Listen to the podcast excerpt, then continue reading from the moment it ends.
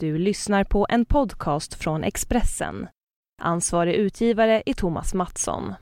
Fler poddar hittar du på expressen.se podcast och på iTunes.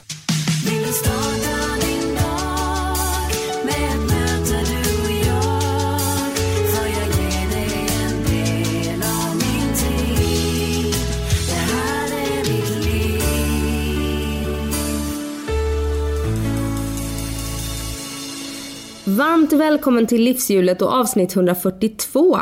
Jag heter Anna Hegerstrand, jobbar som journalist och brinner för området livsstil och hälsa och hur vi får ihop livet. I den bästa av världar lyckas vi hålla en sund balans även om jag och många med mig verkar uppleva att det är en svår ekvation.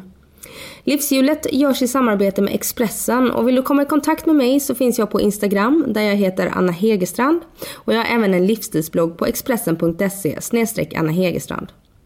Idag träffar jag modellen, personliga tränaren, föreläsaren och MMA-fighten Simon Sköld.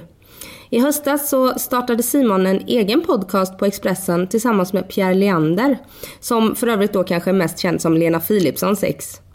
I podcasten Simon och Pierres podcast träffar duon kända svenskar för att prata om träning, hälsa och inspiration. Simon ligger just nu i hårdträning för att förhoppningsvis snart gå en match i MMA. Och samtidigt laddar han för att bli pappa i mars för första gången. Och i veckans avsnitt delar han med sig om sina tankar och känslor inför den nya fasen i livet som väntar. Varsågod Simon Skölds livshjul. Välkommen hit Simon. Tack så mycket. Hur är det med dig då? Det är fantastiskt faktiskt. Jaha. Jättebra. Varför är det så fantastiskt då? Eh, bra morgon, tränat och nu här och solen lyser och det är kallt ute. Gillar du vintern? Ja, när det är vinter. Eh, jag avskyr eh, när det är snöslask, men när det är minusgrader och snön får ligga, då tycker jag det är fantastiskt. Och ljuset har ju framförallt vänt. Det, de här minuterna per dag märks ju. Och förra året vet jag att då flydde ni vintern till Thailand. Ja, Fast du åkte hem lite tidigare. jag åkte hem lite tidigare. Eh, jag fick erbjudandet att göra Let's Dance, så att vi skulle vara där tillsammans två månader. Men efter en månad då så åkte jag hem och eh, ja, kunde inte åka tillbaka på grund av eh, jobbet. Men i år så har ni varit hemma. I år är vi hemma. Eh, Camilla är ju gravid så att eh, hon är inte Jag läste sugen. någonstans tror jag. Någonstans finns det information om det. Eh, nej, så att eh, jag tror inte ens hon skulle få flyga faktiskt. Jag tror hon är i vecka 29 nu, så jag tror att hon har gått över gränsen på de flesta flyg- flygbolagen. Och det är ditt första barn. Det är mitt första biologiska barn, ja. Ja, ja, Ja. biologiska Ja. barn. För du blev ju trebarnspappa lite Ja, sådär. ja, lite sådär på en höft. Men det är ju väldigt fantastiskt. Eh, det är ju fantastiskt att få bonusbarn. Det är ju verkligen, eh, wow. Det var så nervös när man skulle träffa, jag var nervös när jag skulle träffa dem första gången, när jag skulle på dejt med Camilla första gången. Eh, det var ju verkligen så här, okej, rise or fall med, med det här liksom. Om inte det här går så är det ju kört. Ja, det är ju så. Ja, och det, det visste man ju. Eh, men det har ju gått jättebra och de är ju helt fantastiska. Vad hade du för taktik då? Oj, ehm, men peppa peppa ta i trä så brukar jag ha, ha ganska lätt för att hantera barn eh, och brukar ha ganska roligt eh, med dem. Eh, jag träffade yngsta killen först, Charlie, som var fem då och eh, nej men då lekte vi bara och eh, då visste inte han att jag och Camilla träffades utan han trodde jag var någon kompis eller någonting. Jag tror inte han brydde sig men jag ska vara helt ärlig, det var nog mer vi som försökte hålla det i skymundan. Och vi lekte och skojade, spelade lite boll ehm, och det bara, det funkade helt enkelt. Det klickade. Vad har du för känslor nu då inför att bli pappa om det är ett par månader kvar bara? Mm, tre månader.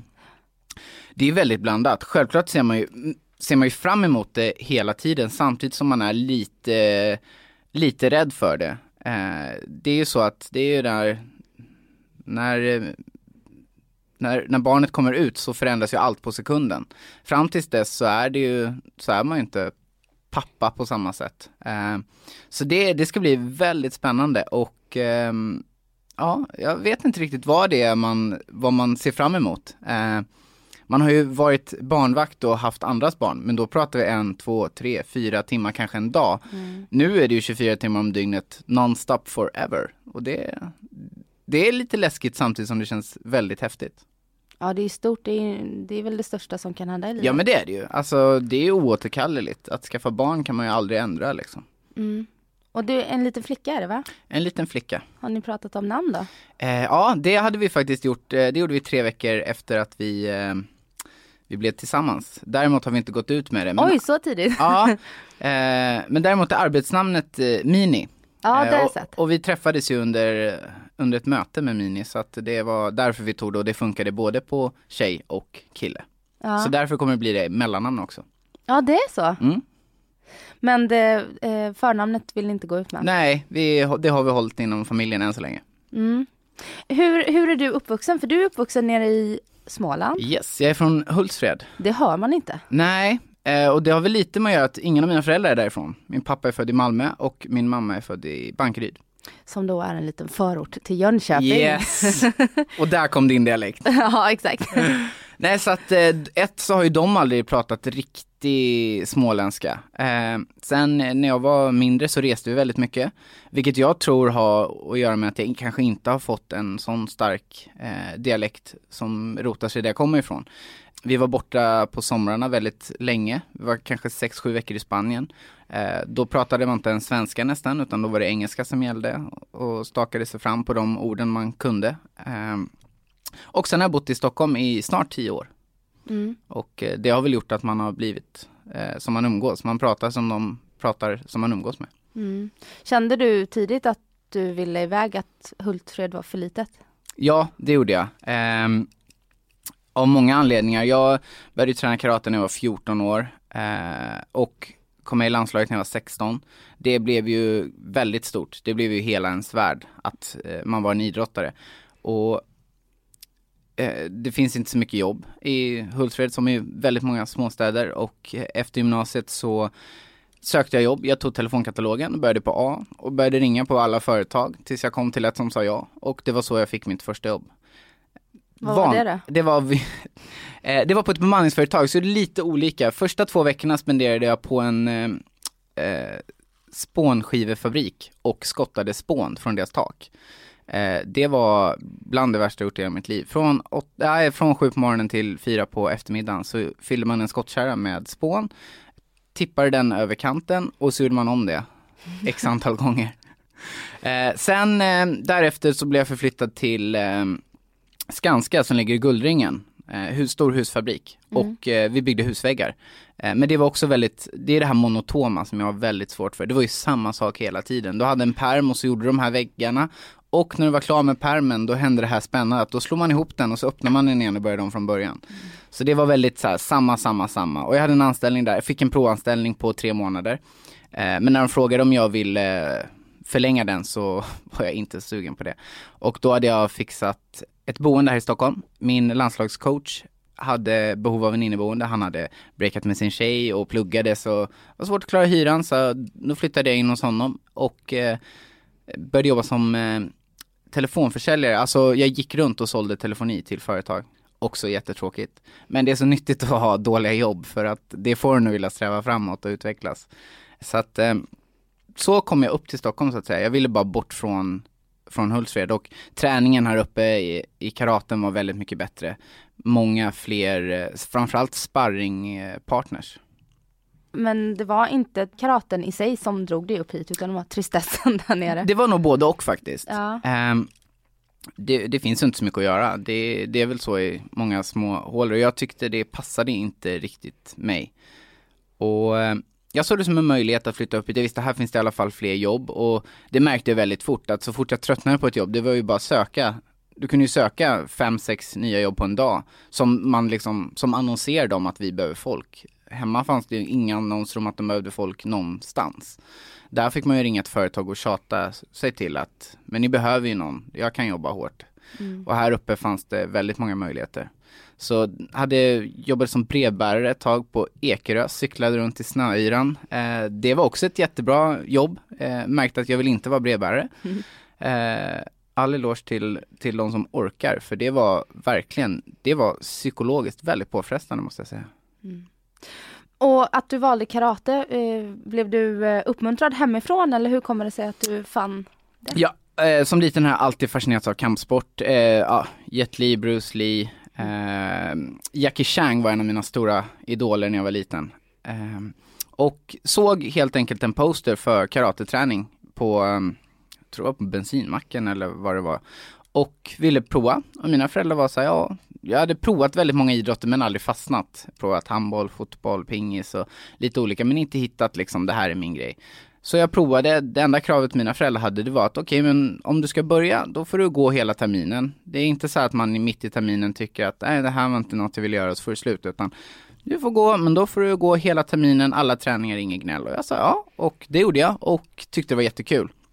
Och det blev det blev bara roligare och roligare. I början var det väldigt mycket grunder, man fick stå och nöta tekniker eh, som jag kanske inte tyckte var jättekul, men jag var beredd på det för jag kände några som tränade och de sa att första terminen är lite tråkig och lite, vad ska man säga, väldigt styrd. Eh, men efter det får man börja göra, får man börja fightas så att säga och slå på varann, vilket jag, var det jag ville göra.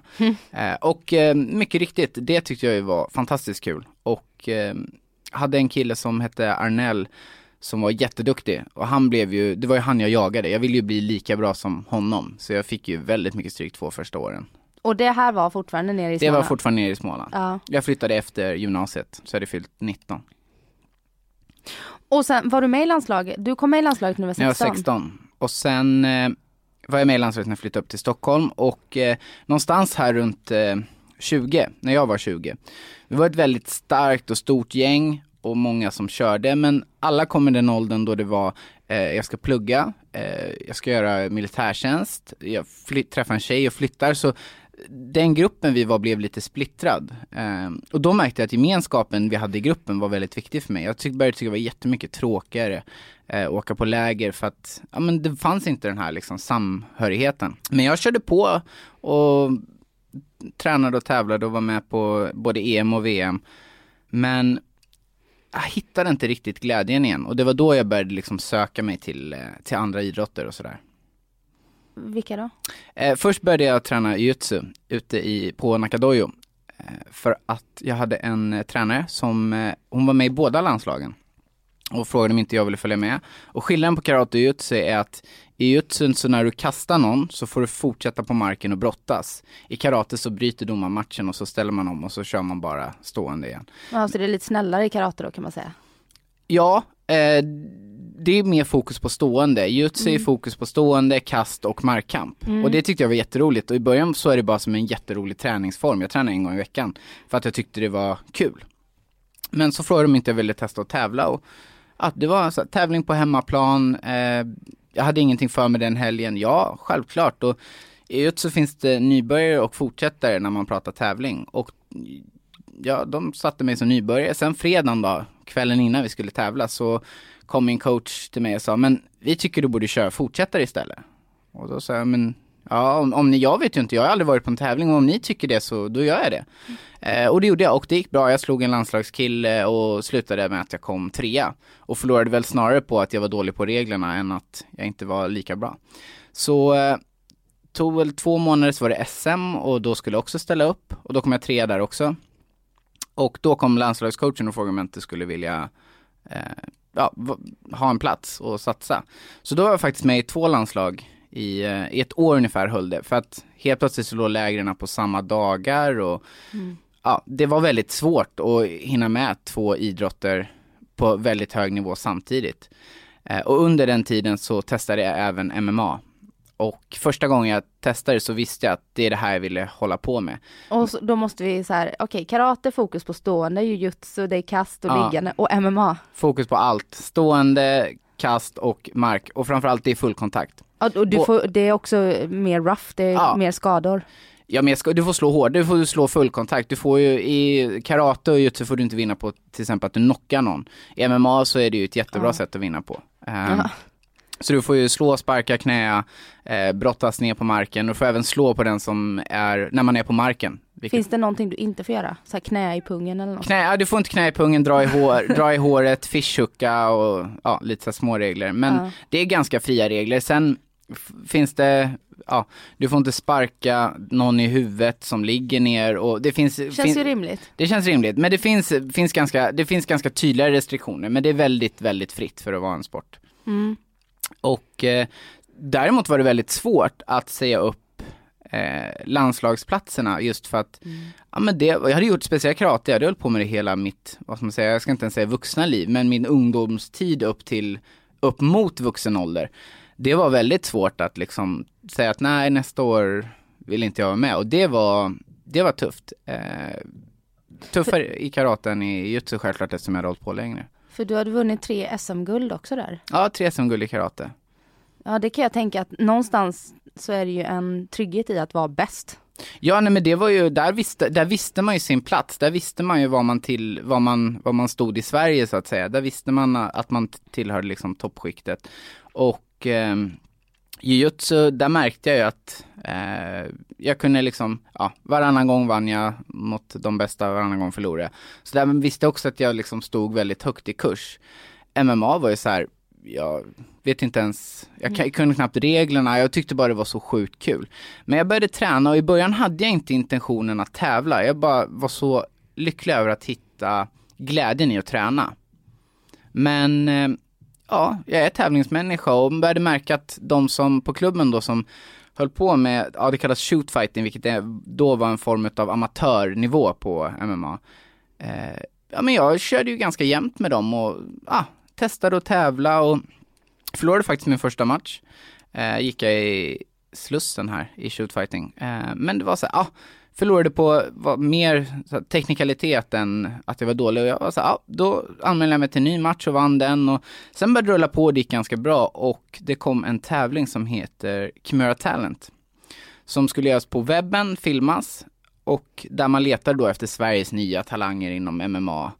Eh, och det fanns det ju fortfarande inte amatör-MMA, vilket det finns nu, vilket jag är väldigt tacksam för. Och de eh, hade uttagningar i Stockholm, Malmö och Göteborg och jag var med på den i Stockholm och det gick väldigt lång tid efter uttagningen. Det, så här, två månader hade man inte hört någonting. Jag tänkte, ah, det är väl, det går väl inte.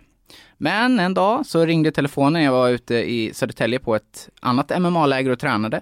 Och de eh, sa att, ja vi tyckte du var jätteduktig och vi skulle gärna vilja se att du går vidare i tävlingen. Ja, yes, kanon. Eh, det är ett krux dock. Och jag var så här, vad är det nu liksom? Det kommer vara i minus 80. Jag var anmäld i minus 70. Det är alltså 10 kilos skillnad. Eh, men ja, jag ska väl tacka att jag var ung och dum för jag sa ju ja. Och eh, jag tog mig ändå till semifinal. Där jag eh, förlorade mot en kille som heter Andreas Ståhl som idag har UFC-kontrakt med, eh, ja UFC då den största ligan inom MMA. Och eh, jag som sagt förlorade i semifinal och där fick jag ändå min första proffsmatch. Eh, tack vare att det gick så långt och de tyckte jag hade bra kämparglädje. Och hur länge sedan är det här? Det här var ju eh, fem år sedan. Mm. Och eh, då fick jag en match då i minus 70 som var det jag hade anmält mig i. De sa det, du förlorade för att du var för liten. Du, han bantade kanske från 85 Mm. och han är fantastiskt duktig. Var både då och ännu bättre nu. Det låter som att kampsporten var hela ditt liv under de här åren. Ja men det blev det. Under en tid så pluggade jag på Bosön. Eh, och då hade man väldigt mycket tid att träna. Sen efter det så började jag jobba som PT, vilket personlig tränare. Och då var det väldigt mycket träning i livet också. Så att det var, ja, kampsport blev liksom hela livet. Och idag kan man säga att du delar din tid mellan att vara MMA-fighter Yes. och PT.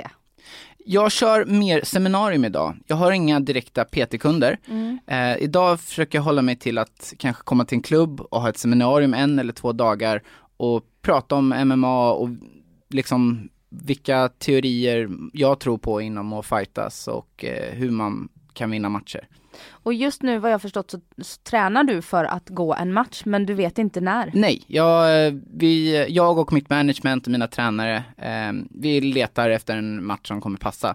Eh, helst innan jag får eh, en bebis.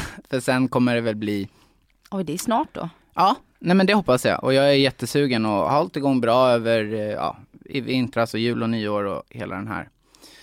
Men hur funkar det då? För är det inte så att det är tävlingar eller du kan bara Jo, det är tävlingar, men Kan du ringa Alex Gustafsson till exempel och säga så här, jag vill fightas nej, mot dig. nej, nej, nej, nej. Eh, ett så går vi så långt, jag går minus 66 nu. Han är lite större Och än han är väldigt mycket större och eh, eh, går i eh, en helt annan organisation. Han är ju så att säga exklusivt signad med UFC. Han går ju Ja. bara i den organisationen. Eh, jag har inte kommit så långt i min karriär att jag är exklusivt signat med att jag får bara gå på de här galorna. Eh, däremot så har jag ett samarbete tillsammans med Superior Challenge eh, som är en, av de största europeiska galorna inom MMA. Men de har inte så många galor att jag bara kan gå ehm, för dem. Så jag får gå upp för andra galor också. Men det de är mitt management-team och hjälper mig. Eh, och få matcher och deala med avtal och hela den här biten. Har du varit iväg, jag känner, jag känner Jörgen Krut lite. Ja, Och han tränade ju väldigt mycket i Thailand och sådär. Mm. Och han sa, har sagt i intervjuer också att när han fick barn Mm. så tappade han lite fokus på träningen. Mm. Hur tänker du inför det? För jag tänker som elitidrottsman måste man ju vara 100 procent. Ja, eh, jag känner också Jörgen, jag tränar en del för honom. Eh, och jag har också varit i Thailand och tränat, eh, inte lika mycket som han. Men det är klart att det är någonting jag undrar över. Däremot tycker jag att få eh, bonusbarn har bara gjort att jag fokuserar ännu mer när jag väl tränar. Eh, och det har väl lite med att göra att vi har idag varannan vecka, alltså pappan har lika mycket tid som vi har. Så vi har, Ja. en vecka har vi barn, en vecka har vi inte barn. Eh, och den veckan då vi har barn försöker jag och då är jag liksom, ska jag då offra en, en kväll eh, från att vara hemma med barnen och mysa och med Camilla istället för att åka och träna, då måste ju den där träningen räknas. Så om jag åker på den träningen, då måste jag verkligen ta i. Då måste jag ju liksom se till att den där tiden borta från familjen, den ska ju räknas för någonting. Eh, och så har det funkat med bonusbarn. Alla som jag pratar med säger det är skillnad när du får dina egna barn. Ja, det vet jag i mars. Jag kan inte, jag, vad ska jag säga? Jag har inget eget barn än, men jag älskar dem som om det vore mina egna och jag tror inte att det kommer vara så stor skillnad för mig eh, hur jag resonerar där. Och hur ser en arbetsvecka ut för dig? Säg eh, de dagarna eller den veckan ni inte har barnen då. Mm. När du kan foka fullt. Ja, både jag och Camilla försöker lägga så mycket jobb som möjligt de veckorna vi inte har eh, barnen. Ehm, och när de veckorna man har barnen försöker man lägga det på tiden då de är i skolan. Eh, men ofta är det morgonträning, därefter blir det jobb och det kan vara allt ifrån att eh, åka in på stan och ha möte om kommande projekt eller sitta hemma och jobba på de projekten man har för stunden. Eh, lunch, sen är det ofta att jobba igen och eh, sen är det träning på kvällen. Eh, måndag, tisdag, torsdag. Eh, och det är lite för att även om eh, barnen inte är hemma så vill man ju vara tillsammans med Camilla. Och det har funkat ganska bra. Eh, då är jag hemma fyra kvällar i veckan och kan ändå träna ganska, på en ganska hög, eh, både nivå och en hög dos av träning. Och jag, jag älskar utmaningar och jag, träningen går nästan bäst när jag har, när man har ganska mycket att göra. Eh, och sen tycker jag ju personligen att det är väldigt skönt att träna på morgonen och sen träna på kvällen för då får jag ju ganska lång tid emellan och hinna återhämta sig och fylla på med energi och sådär. Så i morse så tränade jag, sen nu är jag här och eh, ikväll ska jag träna igen. Och det funkar väldigt bra. Hur funkar det med kosten då? När du tränar så här mycket. Är den en stor del? Den är en jättestor del, framförallt eftersom det är en viktsport och eh, man måste då väga in för att få gå matchen. Och jag tappar väl normalt i min viktklass, jag går ner ungefär 8 kilo eh, innan match. Och det handlar ju väldigt mycket om planering.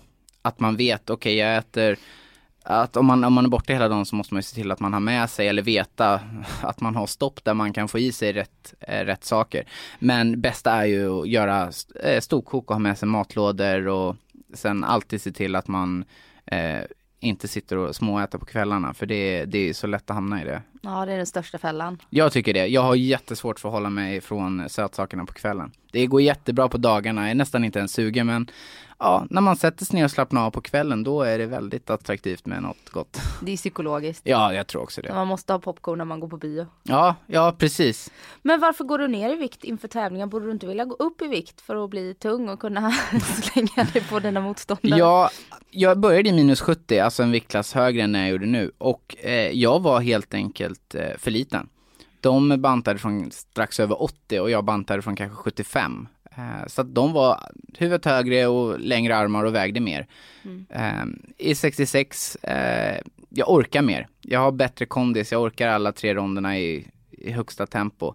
Och eh, det är där jag är normalstor om man tittar på hur tävlingarna ser ut. Eh, helst av allt skulle jag se att man gjorde om ja, vad ska man säga, tävlingssystemet, invägningssystemet till att man vägde in samma dag. Eh, just för att undvika de här eh, ja, tokbantningarna, vätskedroppen, allting som eh, man tappar ju väldigt mycket vikt på väldigt kort tid.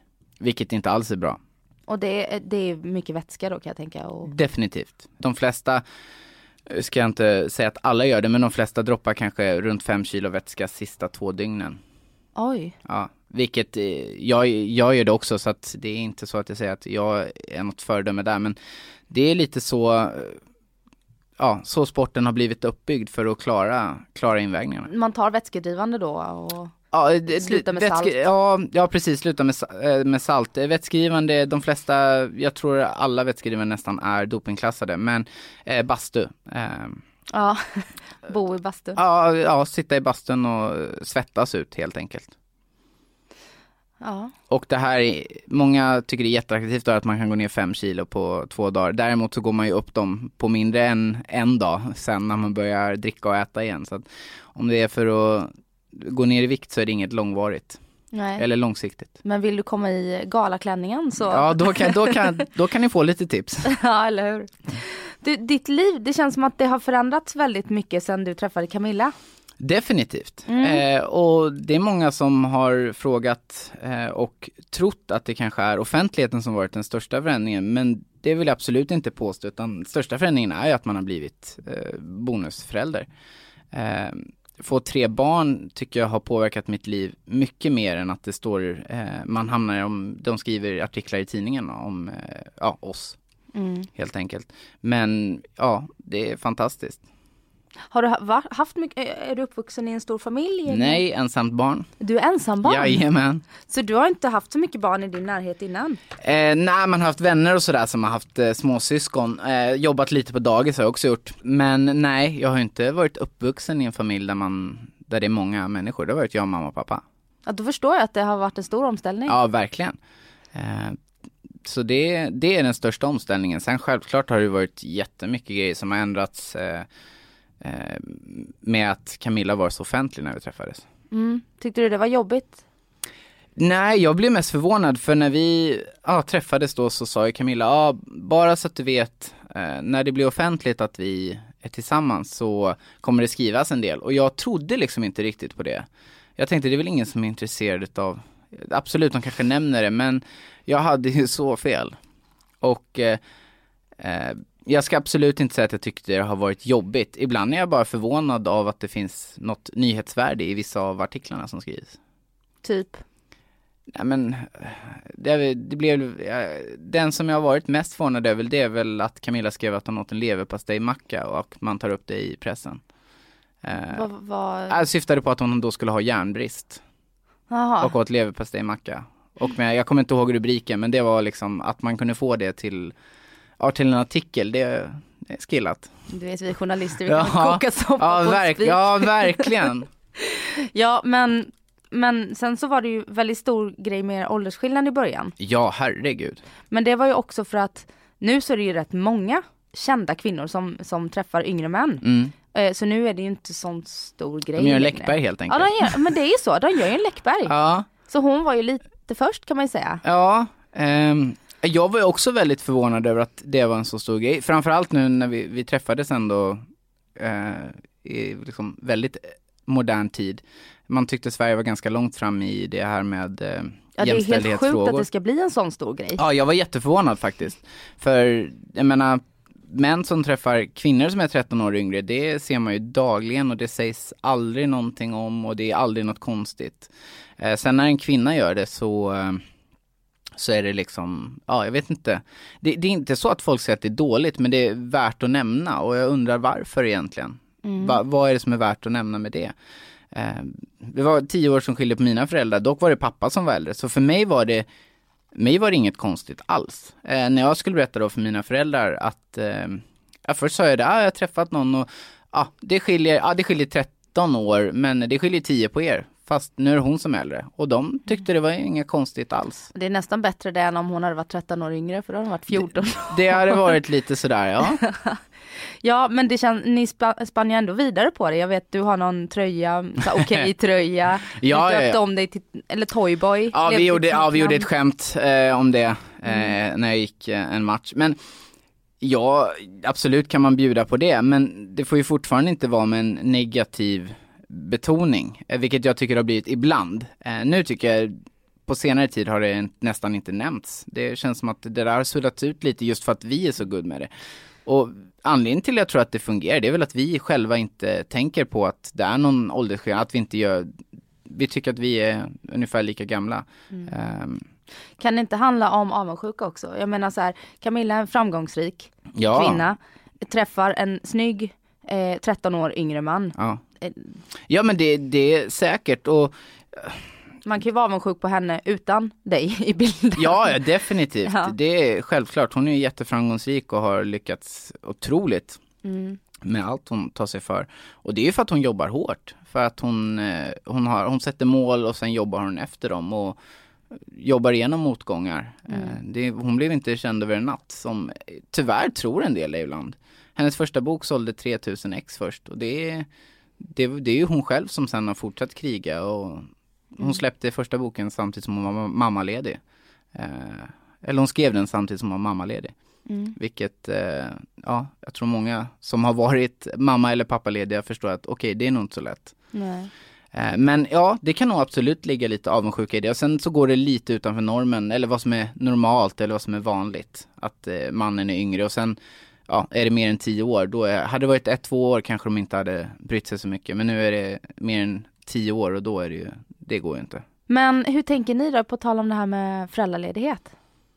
Men det, Det är också på tal om jämställdhetsfrågor. Ja, nej men alltså, vi har väl sagt att vi ska försöka dela så lika som möjligt. Eh, sen har ju vi lite så här båda periodjobb. Eh, när hon skriver böcker så behöver hon mer jobbtid. Eh, och när jag ska träna inför match behöver jag mer jobbtid. Så vi kommer nog försöka dela upp det så mycket som möjligt. Sen kommer det vara i perioder då hon behöver jobba mer och perioder då jag behöver jobba mer.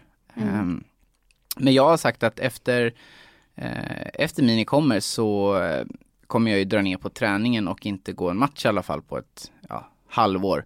Eh, för att den tiden kommer man aldrig kunna få tillbaka utan den vill man spendera, eh, spendera, spendera rätt. För annars tror jag man kommer ångra sig efterhand. Har ni förberett för, eh, många som får barn säger att relationen sätts på prov. Ja, Har ni pratat och förberett er ja för det, har vi, det har vi definitivt gjort. Och nu är det så att ja, Camilla har ju tre barn sedan innan så hon vet ju eh, exakt vad första tiden eh, innebär. Eh, jag vet i teorin eh, men inte i praktiken. Men eh, vi har hela tiden sagt att det är viktigt att man är öppen, med att prata om någonting känns jobbigt och att vi framförallt ska dela på ansvaret. Att dela på nätter, dela på, så att båda får Ja, men så att man faktiskt får lite egen tid också, så att man får lite tid att ladda om. Jag får ju det automatiskt när jag tränar. Eh, även om jag kommer dra ner på träningen så kommer jag inte sluta och det tror jag jag tror hela familjen skulle vända sig i graven om jag slutade träna för då skulle jag bli så outhärdlig hemma. Ja men det är ju, det är ju terapi att träna faktiskt. Ja, jag tycker det är jätteskönt. Alltså nollställning. Ja. Och så vet jag att du friade Ja, i november. ja. Var det så? Har Ja. ni några planer eller känner ni att Eh, det får vi ta sen? Ja, ja, det får vi nog lite, lite så har vi känt att vi får ta det sen. Ja, min första plan när jag bestämde mig för att Fia, det var att det skulle vara en överraskning, att hon skulle vara helt oförberedd. Så jag började ju plantera ett minne i somras, eller en tanke i somras att när vi tar det efter bebisen. Nu, när jag fick reda på att vi var gravida så bara, men då, då ska vi liksom gå igenom det först. Eh, och det gjorde att hon var helt eh, oförberedd på det när det väl skedde. Det tyckte jag var fantastiskt roligt. Jag var väldigt nervös när jag gjorde det också. Nu ska vi komma igenom eh, födda barnfasen och sen får vi lite grann se eh, när det blir. Om du får tänka dig hur du skulle vilja ha ditt bröllop. Är det, Åh. blir det stort och Nej, det blir inte stort. Eh, däremot skulle jag kunna tänka mig en lite större fest. Men just bröllopet känner jag att eh, där skulle det vara lite mysigare med att ha ganska litet. i Sverige eller utomlands eller hur? Nej, jag tror faktiskt i Sverige. Vi har pratat lite, det är jätteromantisk tanke att gifta sig på en strand och sådär, men då tror jag att man kanske eh, det kanske gör att någon när, närstående man vill ha med inte kan ta sig dit. Ja, det är en nackdel. Eh, så. Och då undrar jag lite över det här med fritid och egentid och så. Vad Mm. gör du när du är helt ledig? Hur kopplar du av och, och laddar om? Förutom Ja. träningen då? Ja, alltså träningen är ju min, det är lite mitt sätt att koppla om. Eh, men jag älskar eh, musik, Mm. tycker det är jättekul att spela gitarr och piano. Jag är hyfsad på gitarr eh, och eh, inte alls så bra på piano men jag tycker det är väldigt kul. Så jag kan sitta och lära mig några ackord eller titta på, idag finns ju Youtube så du kan lära dig nästan allting via att titta på någon annan. Mm. Så att det blir en hel del musik. Eh, sen älskar jag bilar. Eh, tvätta bilen är ett nöje. Det låter konstigt men det är en, För hand själv då? ja, Inte automat? nej inte automat. Det är en otrolig tillfredsställelse att tvätta bilen. Eh, sen eh, jättehärligt att spendera tid med vänner. Ofta blir ju det i samband med eh, träning. De flesta man umgås med har man ju lärt via träningen och de har också ganska mycket att göra så det blir vi ses, vi tränar och så tar vi käkar efteråt eller Mm. fikar. Så ofta blir det en sån grej när man ska umgås med, eh, med vänner. Mm. Men sen ibland kan det ju vara hur skönt som helst att sätta sig i soffan och bara titta på en serie eller en film. Och så undrar jag, ditt namn gick ju från The Anaconda Ja, till Toyboy en Ja. match där, till nu The Gentleman. mm. Var kommer det ifrån och varför? Eh, Toyboy kom ju av, det var en av de så här första, eh, i de här skvallertidningarna, en av de första där de skrev att eh, Camilla Läckbergs Toyboy skönhetsopererad. Mhm. Eh, och jag var så här, Vad var det för operation? ja det var jag, det undrade jag faktiskt också. Eh, men när man kör MMA eller brottning eller kampsport så har man ju risk att få såna här blomkålsöron. Ja. Och då hade jag sagt i någon intervju att jag eh, tömmer dem för att jag inte vill att de ska bli för, eh, ja, för stora liksom, Ah, eller för okej. knuggliga. Mm. Eh, det som händer är att det är blod som eh, kommer in i örat och sen har det ingenstans att ta vägen och det stelnar och då får du de här, alltså, jag ska inte säga missformade De men ja, ja typ. precis. Eh, och då, ja, här tar man en nål eller en spruta och så stoppar man in den och så suger man ut blodet så det försvinner och sen sätter man en ett bandage eller en kompress så att det håller ihop eh, Mm. så det inte kommer in nytt blod. Eh, och det var vad de då tyckte var en skönhetsoperation. Men då tyckte vi att det var ju en fantastiskt rolig eh, rubrik. Mm. Och då gjorde vi en liten grej utav det också när jag gick match eh, på Superior Challenge sist så hade Camilla tryckt upp eh, tröjor till alla, ja, hon hade, vi hade ett kompisgäng som var och tittade och barnen också faktiskt. Mm. Eh, och då har de tryckt upp eh, tröjor där det stod Team Toyboy. På, eh, och gjorde en lite kul grej utav det och det tog lite grann udden av det. Det slutade skrivas det och ja, någonstans så blev det liksom så här, okej men vi har skrattat åt det, nu kan vi gå vidare. Och eh, jag kände väl att det kanske inte är det man vill lämna efter sig när man slutar att eh, kalla sig själv för Toyboy. Eh, och jag har alltid älskat eh, eh, mode och kläder. Däremot har jag haft mycket jobb där man har haft arbetskläder och inte får klä sig som man själv vill. Och eh, nu när man har lite grann omstrukturerat jobblivet så kan jag faktiskt göra det och älskar att ha på mig skjorta, kavaj eh, och lite den här klassiska gentlemannastilen. Så därav det namnet. Det är inte det här gentlemanna, jag tänker så på det sättet du friade och sådär, att du verkar vara ganska romantiskt lagd av dig. Nej men det är, alltså vi, det är vi nog båda två. Vi tycker det är jättemysigt att, eh, att överraska den andra och göra den andra glad. Ehm, men det är att det, kommer man på en anledning till att köpa en ros så kan man väl göra det. Det är väl jätte, det är väl härligt. När Mm. man, både för en själv, för att man ser att sin partner blir glad och det tycker jag är jättehärligt. Och du eh, gör ju en podcast här på Expressen. Yes! Ja, vi är poddkollegor faktiskt. Jajamän! Ja, Simon och Pierres podcast. Ja. Som handlar om träning och livsstil Ja, faktiskt. och lite sådär. Mm. Hur föddes den idén? Eh, det var också, Camilla var lite inblandad i början i alla fall. Hon eh, la ut en bild eh, på Pierre och Lena Philipsson som han då var tillsammans med när de hade gjort något som heter kärringkonk. Vilket sker någonstans högt upp i Finland och så är det mannen som ska ja, springa med kärringen då på ryggen eller hur han vill. Eh, Är det ett lopp då, Ja, ja, med lite hinder och sådär. Ehm, och de hade väl gjort det som en kul grej och det var roligt att göra och så hade det blivit en artiklar om det. Och då hade Pierre skrivit att, ja men, eh, ni får hitta på något eget liksom. Ska vi köra gladiatorerna mot varandra? Och eh, jag tyckte det lät lät ganska kul och eh, ja, vi sågs på, eh, det var sommar så vi var, jag var, vi var ute i Norrtälje på vårt eh, landställe. Så han kom ut och vi satt och snackade lite och eh, skickade in ett förslag till TV4 Gladiatorerna om att vi skulle vilja mötas.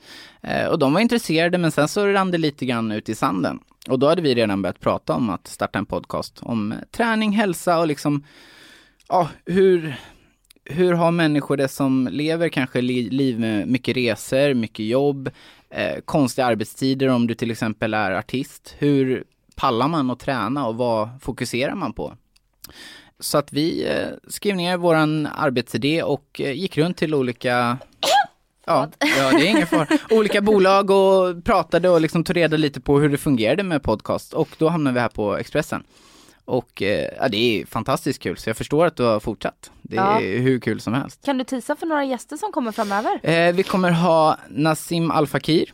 Sen eh, kommer vi ha Henrik Fixeus. Han Jo- tränar med min personliga tränare Mårten. Ja, Mm.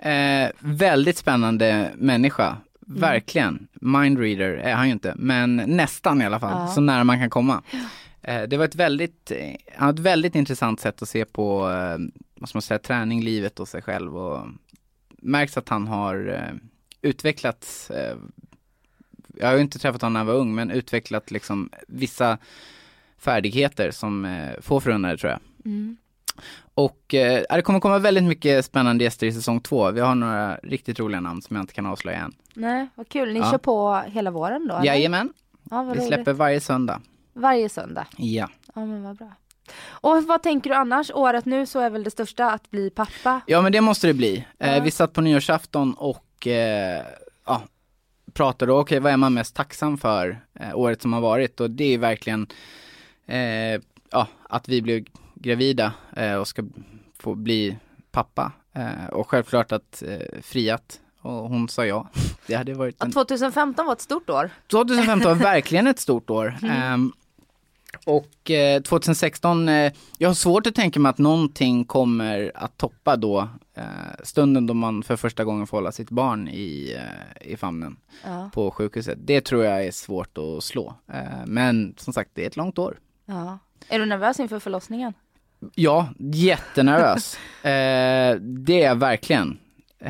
Ja, jag har smygtittat på några sådana här förlossningsvideor för att ha en liten så aning om vad det är man kommer uppleva och få se. Sen är det ju självklart, eh, ingen förlossning är väl den andra lik, men det är klart, framförallt känner jag det här att vara lite ohjälpsam eller alltså jag kan inte göra någonting. Man, man står där men jag kan inte göra någonting. Läkaren håller koll och Camilla gör allt jobb och man står där och ser då sin partner ha ont och må dåligt och Ja. man kan liksom inte gör, göra någonting. Och Camilla säger, ja men du, det du kan göra är ju att vara där och det är väl det att man är rädd att det ska kännas som att det inte räcker. Att ja, man inte vet, man vill göra någonting men det finns inget man kan göra och det är en jobbig känsla tycker jag. ja, det förstår jag. Mm. Men eh, ja, vi får väl hoppas att det, det går bra och att det inte blir i bilen. Ja, exakt. Man vet ju inte. Det kan Nej, bli hur det vet man helst. inte. Simon, tack snälla för att du kom hit och gästade mig. Tack så mycket för att jag fick vara gäst, jättetrevligt. Ja, jättekul att ha dig här och så ska vi fortsätta att lyssna på din podd. Tack så mycket, Ha det bra nu. ha det bra. Hej! Hej då allihopa.